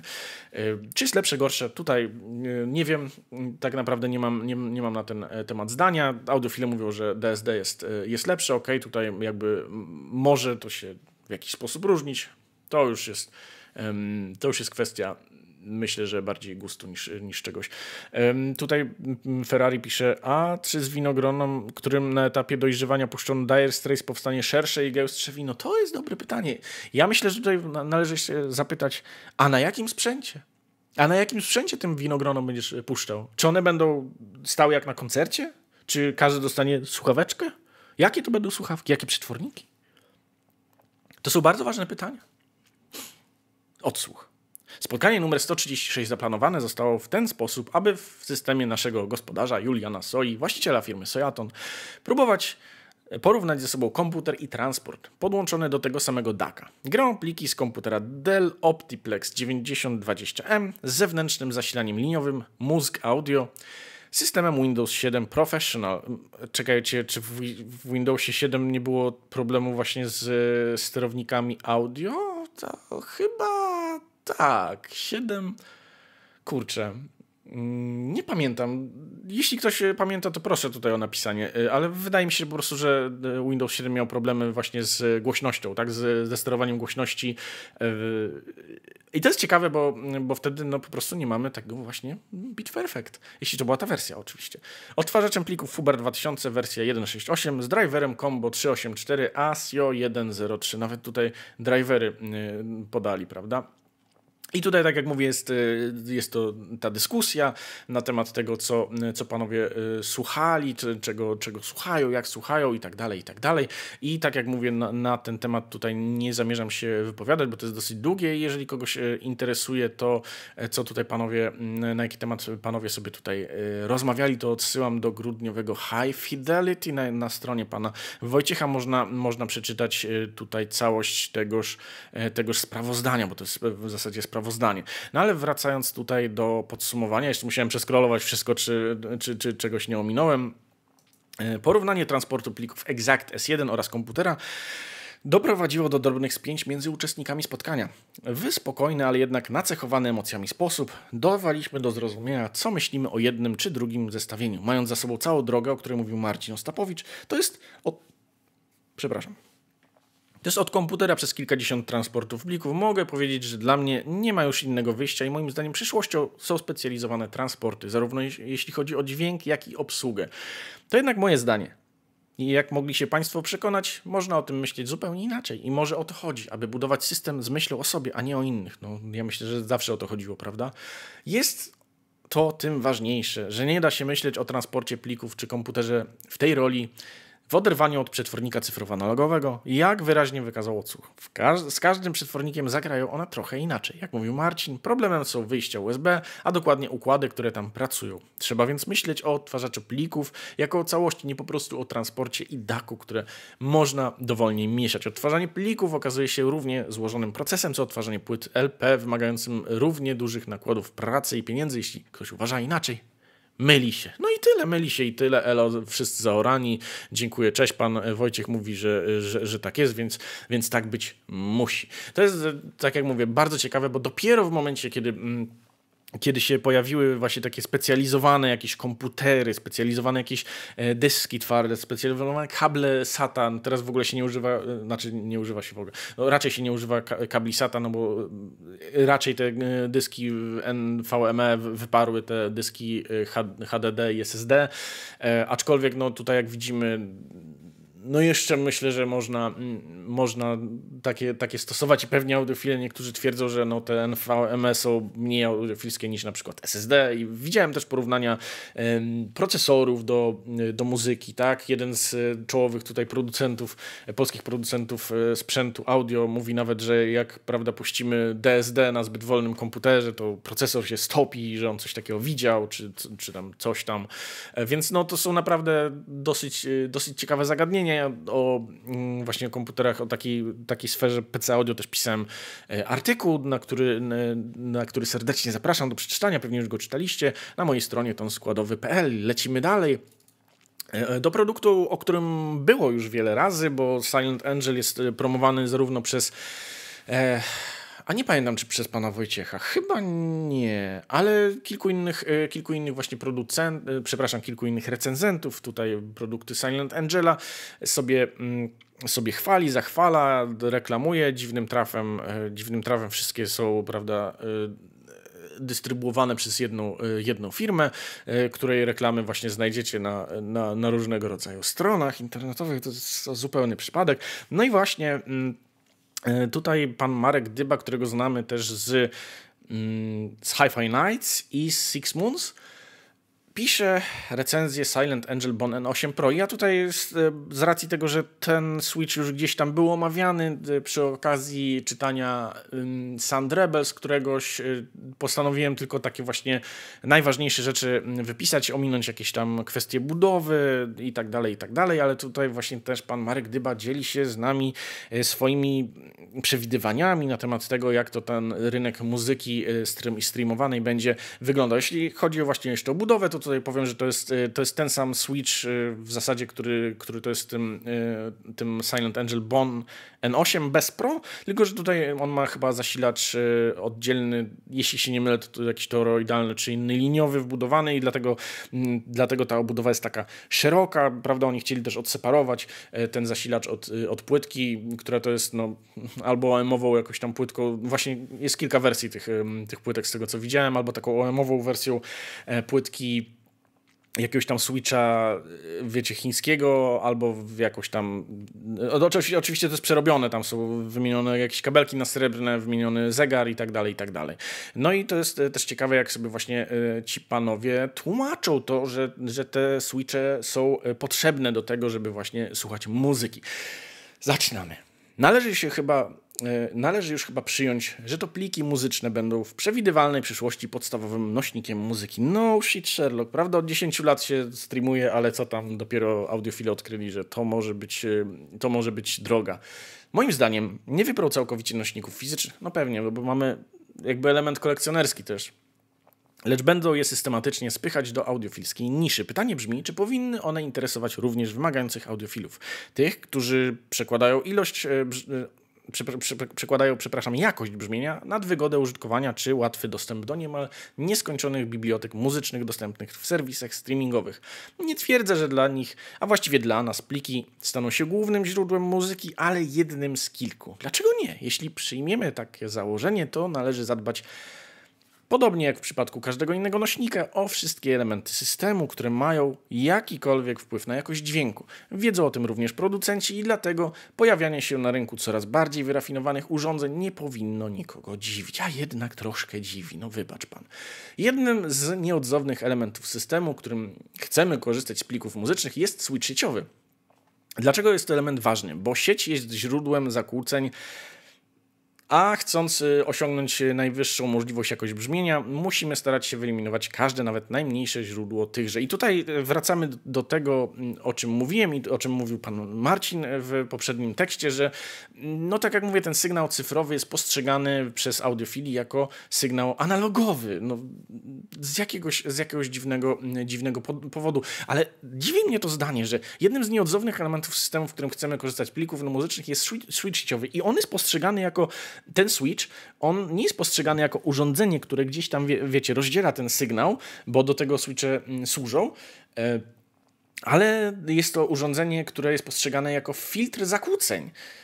To jest dla mnie e, niezwykłe. To jest dla mnie niezwykłe, bo no, ja to cały czas potwierdzam, e, znaczy ja, ja to cały czas powtarzam Ja nie widzę zastosowania dla switcha ethernetowego w domu, w, prawda, w infrastrukturze sieciowej, prawda, takiej lokalnej, gdzie mamy podłączone do, do routera powiedzmy jedno, dwa urządzenia. A znając y, tych ludzi, prawda, ich powiedzmy znajomość technologii no, z racji tam jakichś tam e, kwestii pokoleniowych i tak dalej, no to raczej to nie są osoby, które mają na przykład smart house, czy jakieś, wiecie, mm, czy jakieś tam e, bardzo rozbudowaną e, sieć, sieć domową, a w takich przypadkach właśnie się takie switche stosuje.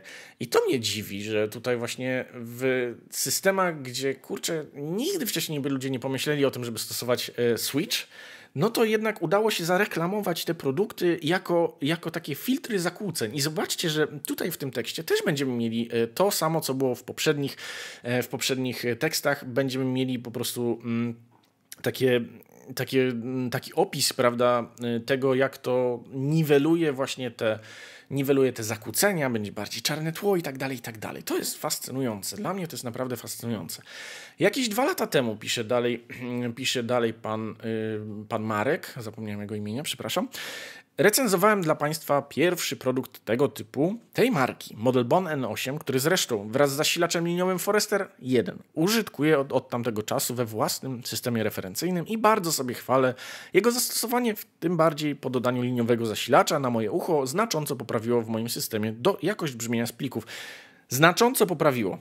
Zapamiętajcie, Pamiętam, że wówczas, choć nie jestem bynajmniej jakimś szczególnie wymagającym kinomaniakiem, podłączyłem do niego również telewizor i o dziwo zobaczyłem również żywsze kolory i klarowniejsze detale w obrazie streamowanym z sieci. Tak samo czytałem o kablach zasilających, że jak podłączycie ten audiofilski kabel zasilający do telewizora, to będzie w ogóle obraz żywszy i tak dalej, i tak dalej. Kondycjonerach sieciowych, o jakichś tam, wiecie, właśnie cudach, nie, niewidach. E, a tutaj mamy jeszcze mm, switch e, ethernetowy i pewnie jeszcze kabel Ethernet był również audiofilski. Jak widać, poprawiło to również żywość barw, e, kolory, tak klarowniejsze detale, bla, bla, bla. No na pewno, na pewno, ale pewnie tego nie widać, nie? Tak w sensie, wiecie, jakiś spektroskop, nie wiem czym tam to się mierzy, pewnie by jakiś kalibrator, pewnie by nie zauważył różnicy. Ale ważne, że audiofilskie oko, audiofilskie oko widzi. Pamiętajcie, wiara bardziej niż szkiełko i oko. Nie, no chyba, że oko audiofila, no to wtedy tak. Nieco później miałem okazję sprawdzić korzyści płynące z użycia dwóch switchy N8. Obu zasilanych z Forestera F1. No przecież wiadomo, że to trzeba było zasilać z dwóch Foresterów. Jezus Maria, połączonych szeregowo. Zadaniem switcha w systemie audio jest m.in. eliminacja zakłóceń płynących z sieci. To co mówię. Oni to postrzegają jako filtr zakłóceniowy. A jeszcze tutaj jest ciekawe, też będzie o tym, bardzo często audiofile wykorzystują w, takich, e, w takiej domowej infrastrukturze sieciowej e, Jezu, jak to się nazywa? Izolator galwaniczny mm, w sieci. Mm, wydaje mi się, poprawcie mnie, jeśli się mylę, bo ja tutaj też nie jestem jakiś sieciowcem, ale wydaje mi się, że taki, takie izolatory są w gniazdkach Ethernet. I wpinanie, wiecie, za gniazdkiem takiego izolatora to jest trochę takie zbędne. Ale nie wiem, nie wiem. Dwa urządzenia Silent Angel, pracujące szeregowo, wykonywały to zadanie jeszcze lepiej niż jedno, czyli czyściły zakłóceń. To znowu nie była obiektywnie rzecz biorąc wielka różnica. Przypominam, yy, parę akapitów temu pan Marek pisał, że to była ogromna różnica. Jak to w końcu jest? Czy to jest ogromna różnica, czy to jest takie właśnie. Ale wiecie, to takie nie jest za duże, nie? To jest dla mnie, to jest dla mnie niezrozumiałe i to, to jest taka niekonsekwencja. To jest takie, mm, to jest takie defensywne pisanie, że no wiecie, no, jakby ktoś się przyczepił, nie? Jakby, jakby ktoś. To z jednej strony piszesz, no nie no, no, różnica jest ogromna, żeby audiofil tutaj, prawda, powiedział, no, no, no, pewnie tak, pewnie tak. A z drugiej strony, jak mm, jak się właśnie jakiś hater, komputerowiec, a, a, a, prawda, sieciowiec dowali, to mu pisze, no ale przecież pisałem, że tutaj różnica jest niewielka. Taka, wiecie, trzeba mieć dobre ucho, dobry sprzęt. No to jest naprawdę fascynujące, co, um, jaki tutaj dysonans poznawczy mamy w tego typu tekstach. Oni chyba sami sobie nie wierzą, tak mi się wydaje, ci ludzie, którzy to piszą. To znowu nie, e, nie była obiektywnie rzecz biorąc wielka różnica, ale poszukiwa, poszukiwacza najlepszego możliwego brzmienia znacząca dla poszukiwacza. Korzystając z takich doświadczeń przeprowadzonych przez wiele osób, taki dowód społeczny. Wiele osób przeprowadziło ten, e, ten eksperyment. Silent Angel zaoferował model N16 LPS, w którego obudowie niejako zintegrowano, acz nadal szeregowo, dwa N8. Tak, czyli tak jak mówię, ta sama płytka, switch niezarządzalny, jedno obok drugiego, kabelek patch i wiecie, i y, wpinasz, y, wpinasz y, resztę kabelków i, i to jest to jest urządzenie, które sprzedają za dużo więcej pieniądze, no bo jest lepsze, coś tam, coś tam i bardziej. A to jest właśnie tutaj, jak widzimy, ten N8 Pro, 8, 8-portowy Switch Ethernet z dedykowanym zasilaczem. No cóż, budowa tutaj, tak jak mówię, to, to omijamy. Tutaj zegary, sratatata, jakość brzmienia. Test polegał na zastąpieniu używanego przeze mnie na co dzień zestawu Silent Angela składającego się z Switcha Bon N8 i zasilacza liniowego Forester F1 modelem testowanym bez zewnętrznego zasilacza. Switche w obu przypadkach podłączone były do, do domowej sieci poprzez optyczny izolator LANu. Tak jak mówiłem, izolatory właśnie. E, takie e, optyczne, dobra, to bo ja powiedziałem galwaniczne, więc e, w tym momencie nie wiem, czy to jest jakaś różnica.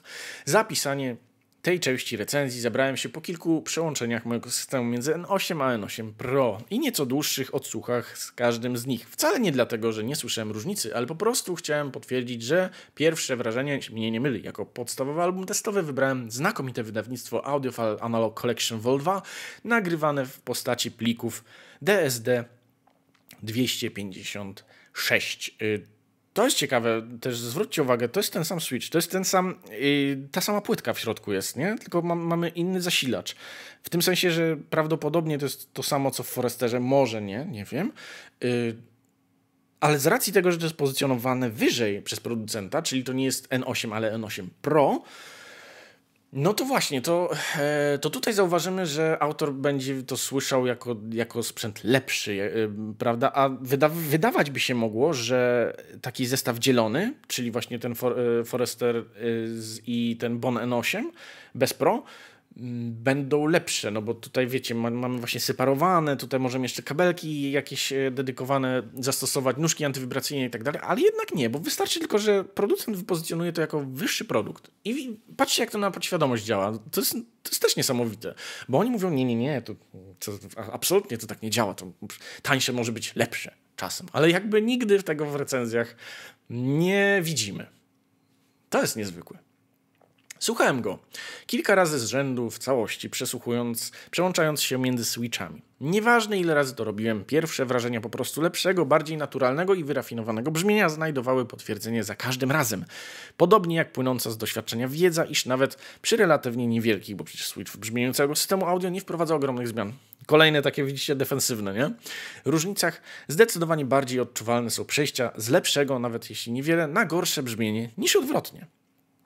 Pamiętam, że porównując N8 do zwykłego. Zwróćcie uwagę, że on też pisze, zakłada z góry, że to będzie lepsze, gorsze. Nie, że jakieś inne, no bo to jest ten sam produkt. On jest tylko pozycjonowany przez producenta inaczej cenowo. Fascynujące. Pamiętam, że porównując do N8 do zwykłego Switcha, którego używałem wcześniej, pierwsze wrażenie mówiło mi wówczas o bardziej analogowym dźwięku. Mniej technicznym, mniej nerwowym. Nerwowość dźwięku to też jest e, ciekawa, e, ciekawe spostrzegawczość, bo znaczy ciekawe spostrzeżenie, bo wydaje mi się, że to się pojawia bardzo często. A ta nerwowość, co to jest w ogóle nerwowość brzmienia? I wydaje mi się, że taka nerwowość to raczej jest y, w głowie audiofila, który tego, przysłuchuje. Że tak, y, jest tak, to związane z, takim, z taką niecierpliwością. A co to będzie? A co to będzie? A czy będzie lepsze? Albo przecież droższe? A inne, inne. Nie wiadomo. No i właśnie tutaj widzimy, że ta nerwowość też była w tym dźwięku. Teraz po przyłączeniu na N8 Pro miałem dokładnie takie samo, ale chyba nawet jeszcze intensywniejsze wrażenie. Dźwięk plików odtwarzanych z NASA Stestowany Switchem robił się gładszy, spójniejszy, pozornie spokojniejszy.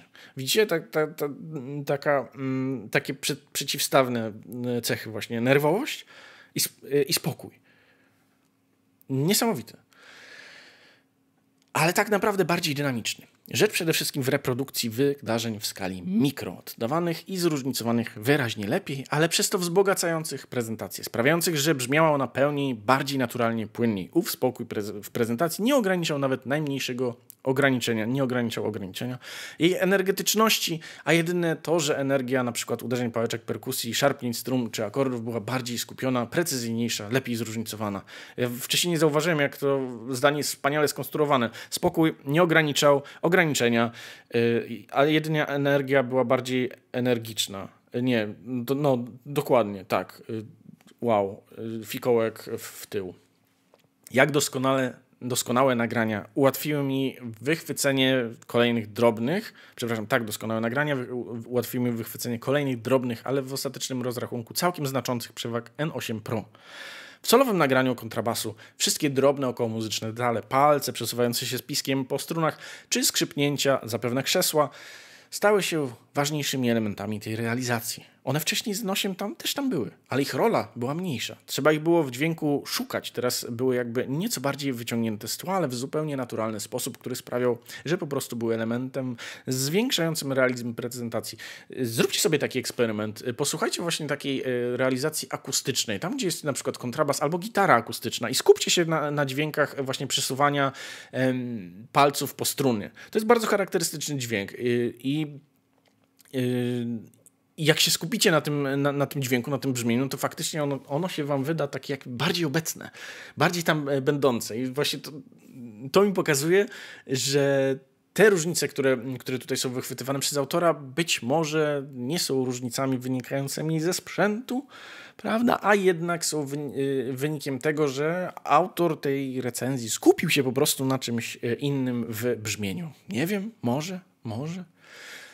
No bo jak to jest, że kurczę, że nie potrafimy tego obiektywnie sprawdzić, a jednak ludzie słyszą. No jak to jest? Gdy z kolei w jednym z nagrań pojawił się wspomniany kościelny dzwon, y, z N8 Pro zyskałem bardziej realistyczną perspektywę, tak jakby w końcu znalazł się on we, właściwym, we właściwej ode mnie znacznie większej odległości. Dzwon był bardziej kościelny. Kwestia bardziej realistycznego prezentowania przestrzeni, w tym gradacji planów na scenie, powracała zresztą w wielu nagraniach.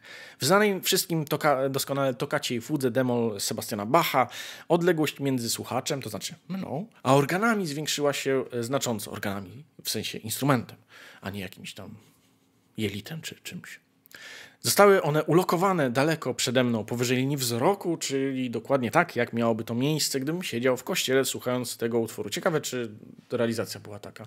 Zapewne dzięki obniżonemu poziomowi szumów, zakłóceń, lepiej oddany został pogłos, dźwięki, dźwięki wędrujące po odległych ścianach kościoła, de facto odpowiedzialny za wykreowanie wrażenia owej ogromnej przestrzeni. Dźwięk wydawał się również jeszcze czystszy, bardziej wypełniony powietrzem, bardziej otwarty, a jednocześnie potężny. I przypominam, porównuję tutaj jeden switch Ethernet do drugiego switcha Ethernet, ta sama płytka, inne zasilanie i to jednak ten, który nie ma dzielonego zasilania, tylko w, w jednym pudełku, brzmi lepiej, bo tak. Ok. Organy potrafią zejść piekielnie nisko, w sensie instrument, nie że jelita. Y, I choć przecież wiem, że N8 Pro nie rozciągnął pasma przenoszenia moich kolumn, to subiektywnie miałem wrażenie, że słyszę więcej na samym dole pasma, że więcej się tym dzieje. To sugerowało lepsze różnicowanie. Zakładam, że był to efekt obniżenia poziomu zakłóceń, a więc uzyskania czystszego dźwięku, być może również nieco wyższego ładunku energetycznego na dole pasma i stąd to wrażenie. Nawet jeśli nie był to zysk obiektywny, powitałem go z otwartymi ramionami, uszami. No i w końcu element, który chyba tak naprawdę najbardziej zmieniał się na plus N8 Pro, to wokale. Brzmiały żywiej. Było w nich jeszcze więcej, bardziej klarownych, intensywniejszych emocji. Lepiej słyszalna była charyzma w wokalach Stevena Tylera, Louisa Armstronga, Ellie Fitzgerald czy Janis Joplin. Bardziej słyszalna charyzma. Mordo. Politycy by, by cię po prostu wyniosą na ołtarze. Kurde, wystarczy po prostu swój swoje filmy uploadować przez ten Switch i będziesz bardziej charyzmatyczny. Ja cię kręcę. Plus 10 do głosów. Po prostu. Teraz zdecydowanie szybciej i częściej pojawiała się u mnie gęsia skórka. Powtarzałem próby z wokalami kilka razy i efekt był taki, że N8 ów efekt gęsiej skórki coraz trudniej było uzyskać. W podświadomości tkwiła bowiem już pewność, Mm, właśnie. Że da się takie kawałki zagrać jeszcze lepiej, wierniej, bardziej przekonująco i wciągająco. Słowem, wiedziałem, że jestem w tarapatach, bo będzie mnie męczyć chęć wymiany posiadanego zestawu N8 plus Forester 1 na N8 Pro. Na koniec zostawiłem sobie jeszcze jedną rzecz do przetestowania. Używając streamingu z internetu, który angażuje dodatkowo x metrów kabla internetowego w ścianie, plus nieaudiofilski pozbawiony, mam nadzieję, że ten kabel w ścianie jest audiofilski, ej, halo, nieaudiofilski pozbawiony wsparcia zasilacza liniowego router o całej reszcie infrastruktury sieciowej, e, za nim nie wspominając, to różnica powinna być nawet większa. Hmm? Odpaliłem więc, oferując moim zdaniem najlepszą jakość brzmienia serwis, czyli Quobus, i zacząłem porównania. Zwróćcie uwagę, że tutaj autor mm, podkreśla to, że ma nieaudiofilski, pozbawiony wsparcia zasilacza liniowego router. E, routery audiofilskie zasilaniem y, liniowym też są w sprzedaży. Dlaczego więc ci nasi y, audiofile, wiecie, to takie audiofile alfa, nie stosują y, routerów audiofilskich? Jak myślicie? Czy to dlatego, że nie wiem, że to nie działa? Czy może dlatego, że firma, która prawda, jest dystrybutorem tego typu switchy, tych firm jest kilka, bo te, tych switchy jest, jest też kilka rodzajów. Nie ma w ofercie tego jednego produktu, czyli routera audiofilskiego. Jak myślicie? Hmm? Bo ja myślę, że jakby tylko wprowadzić to na, na polski rynek, to co najmniej trzy redakcje powiedziałyby, że to jest po prostu najlepsza rzecz, jaka się wydarzyła od czasu, nie wiem, wymyślenia stereo. Idę o zakład, naprawdę. No i dalej lecąc, nie wnikając mocno w szczegóły, napiszę, a tutaj jeszcze się komentarze y, pojawiły, a myślałeś może, żeby zrobić taki fejkowy audiofilski kabel, następnie wysłać go do jednego z recenzentów. Y, kurczę, no dobra, skoro już pytasz, pewnie tutaj większość już nie ogląda. Y, tak, myślałem, myślałem, żeby to zrobić i to też jest jedna z jeden z tematów, nad którym pracujesz od, od jakiegoś czasu, ale szczerze powiedziawszy, troszkę prawnie jest to tak zagmatwane, ponieważ zwróciłem się nawet jako marka, firma do paru redakcji, nie będę mówił których, i te redakcje wprost mi napisały, że okej, okay, zrecenzują inaczej, tak. Y, tak troszkę było to właśnie defensywnie powiedziane, żebym nie mógł się przyczepić do tego, E, że podejmą próbę przesłuchania tego sprzętu, jeśli zakupię na przykład banery za kwotę, no tutaj to było kilka tysięcy złotych, kilkanaście w zależności od redakcji e, i dopiero wtedy oni jakby przyjmą ten kabel do recenzji, ale nie dawali gwarancji, że opublikują recenzję, no bo jeżeli im się nie spodoba, to mogą odesłać to. Wiecie, to jest też takie defensywne, bo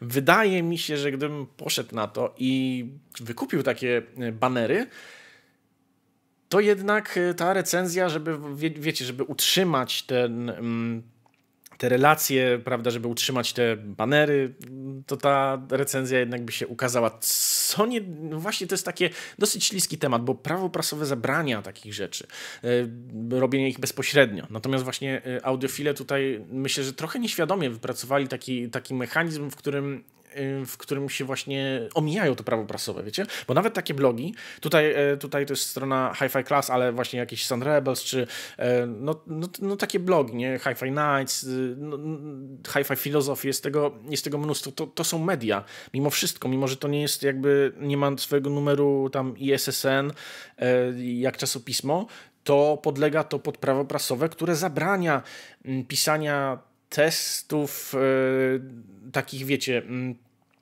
takich e, artykułów sponsorowanych bez wyraźnego oznaczenia tego. A zauważcie, że te wszystkie właśnie recenzje są troszkę w ramach współpracy z dystrybutorami i producentami, nie uważacie? To jest dosyć ciekawe. Także ciekawe, że tutaj zwróciłeś na to uwagę. Tak myślałem o tym, tak jakieś działania w, ten, e, w tę stronę podjąłem. Pisali też do mnie e, producenci tak różnego rodzaju właśnie sprzętów, e, którzy byli dosyć oburzeni tym taką praktyką rynkową i tutaj też mam jakby wgląd do korespondencji, może, może tak powiedzmy. Natomiast no, to nie jest sprawa, kurczę, no nie wiem, no można by to zgłosić do Łokiku, tylko że Łokik to będzie miał w dupie, tak szczerze mówiąc. Więc no, nie wiem, jesteśmy bezradni. Mogę tylko śmieszkować, jak widzisz. Um, kabel z makaronem w środku, najpierw musisz wygotować, musi być idealnie al dente. Tak, tak. Ja w ogóle myślałem, żeby to był taki właśnie najbardziej nieaudiofilski kabel, jaki, y, jaki może być, tylko właśnie ładnie zakonfekcjonowany, y, ładna marka, złote literki i tak dalej. No ale skoro już to powiedziałem, to prawdopodobnie będą bardziej uważni e, ci redaktorzy i przejrzą sobie jakieś tam swoje e, korespondencje czy historie połączeń, żeby dowiedzieć się, kiedy się z nimi ton składowy e, kontaktował. Dawno temu, to od razu powiem nie wnikając mocno w szczegóły, napiszę, że upgrade, przepraszam, bo w tym momencie tak już musiałem traktować N8 Pro, Switcha jeszcze bardziej zmniejszył te różnice. Rzecz większej gęstości dźwięku, jego lepszym nasyceniu, płynności, ale i definicji, precyzji, które przekładają się na wyższą naturalność, a ta na łatwość angażowania słuchacza. Słowem, powtarzały się te same zalety, które słyszałem wcześniej. Poprawa była bezdyskusyjna, choć raz jeszcze podkreślę, obiektywnie niewielka, a przecież w high-endzie chodzi o robienie małych kroczków w wyznaczonym kierunku. Wyznaczonym przez kogo? Proszę nie oczekiwać, że Silent Angel Bon N8 Pro z systemu brzmiącego słabo z plików zrobi grający genialnie. Jednakże im lepszy system, im bardziej wymagający i doświadczony słuchacz, tym bardziej doceni tę niewielką w ogólnej skali, ale jakże istotną poprawę w zakresie neutralności i precyzji reprodukcji aspektów przestrzennych. Dla mnie powrót z N8 Pro do zwykłego N8, nawet wspartego zasilaczem Forester F1, Zo okazał się dosyć bolesny, stąd też ten pierwszy bohater niniejszej recenzji ląduje na liście najbliższego, teraz już koniecznego upgrade'u mojego systemu referencyjnego. Tutaj mam jeszcze przygotowany jeden, jeden artykuł, ale przekroczyliśmy już e, troszkę półtorej godziny. E, zbliżamy się do tej, do tej magicznej granicy. Tutaj widzę godzinę 24 na zegarze, także e, nie wiem, czy, czy, czy, czy na tym nie zakończę, no bo tam miałem przygotowane właśnie podkładki antywibracyjne, które wybrałem tylko dlatego, dlatego, że, e, że bardzo lubię e, taki agresy, pasywno-agresywny styl wypowiedzi pana Marcina, który z portalu Sand Rebels, ale no to nie jest jakby związane z, z tematyką tegoż, e, tegoż odcinka, także myślę, że na tym troszkę mm, na tym chyba zakończymy dzisiejszy odcinek przeglądu prasy audio dziękuję Wam za ten rok. E, przede wszystkim, tak? Dziękuję, dziękuję Wam za, za ten rok, za wszystkie miłe i niemiłe słowa, które e, kierowaliście w, w moim kierunku, e, właśnie takie sugestie, które też, też czasem się pojawiały. Myślę, że zaskoczę Was jeszcze nieraz jakimiś tam treściami, może takimi właśnie tutaj podstępami, powiedzmy, bo pracuję nad, nad kilkoma projektami, które no niestety przedłużają się z racji tego, że no nie robię tego na jakby na, nie mogę poświęcić się w pełni y, tym treściom, które, które chciałbym dla, dla Was y, przedstawić, ale mam kilka fajnych, ciekawych pomysłów i mam nadzieję, że w przyszłym roku już y, przynajmniej dwa duże projekty uda mi się zakończyć. Też troszkę z Waszą pomocą. No i cóż, e, dziękuję Wam jeszcze raz za ten rok. Mam nadzieję, że kolejny będzie jeszcze bardziej owocny, że zobaczymy się wszyscy w takim samym albo jeszcze większym składzie. Życzę Wam dużo zdrowia, szczęścia. Słuchajcie muzyki, nie kabli e, i nie przesadźcie dzisiaj z alkoholem. Bawcie się dobrze, bawcie się bezpiecznie i bądźcie zdrowi. Dzięki za dźwięki. Do usłyszenia. Cześć.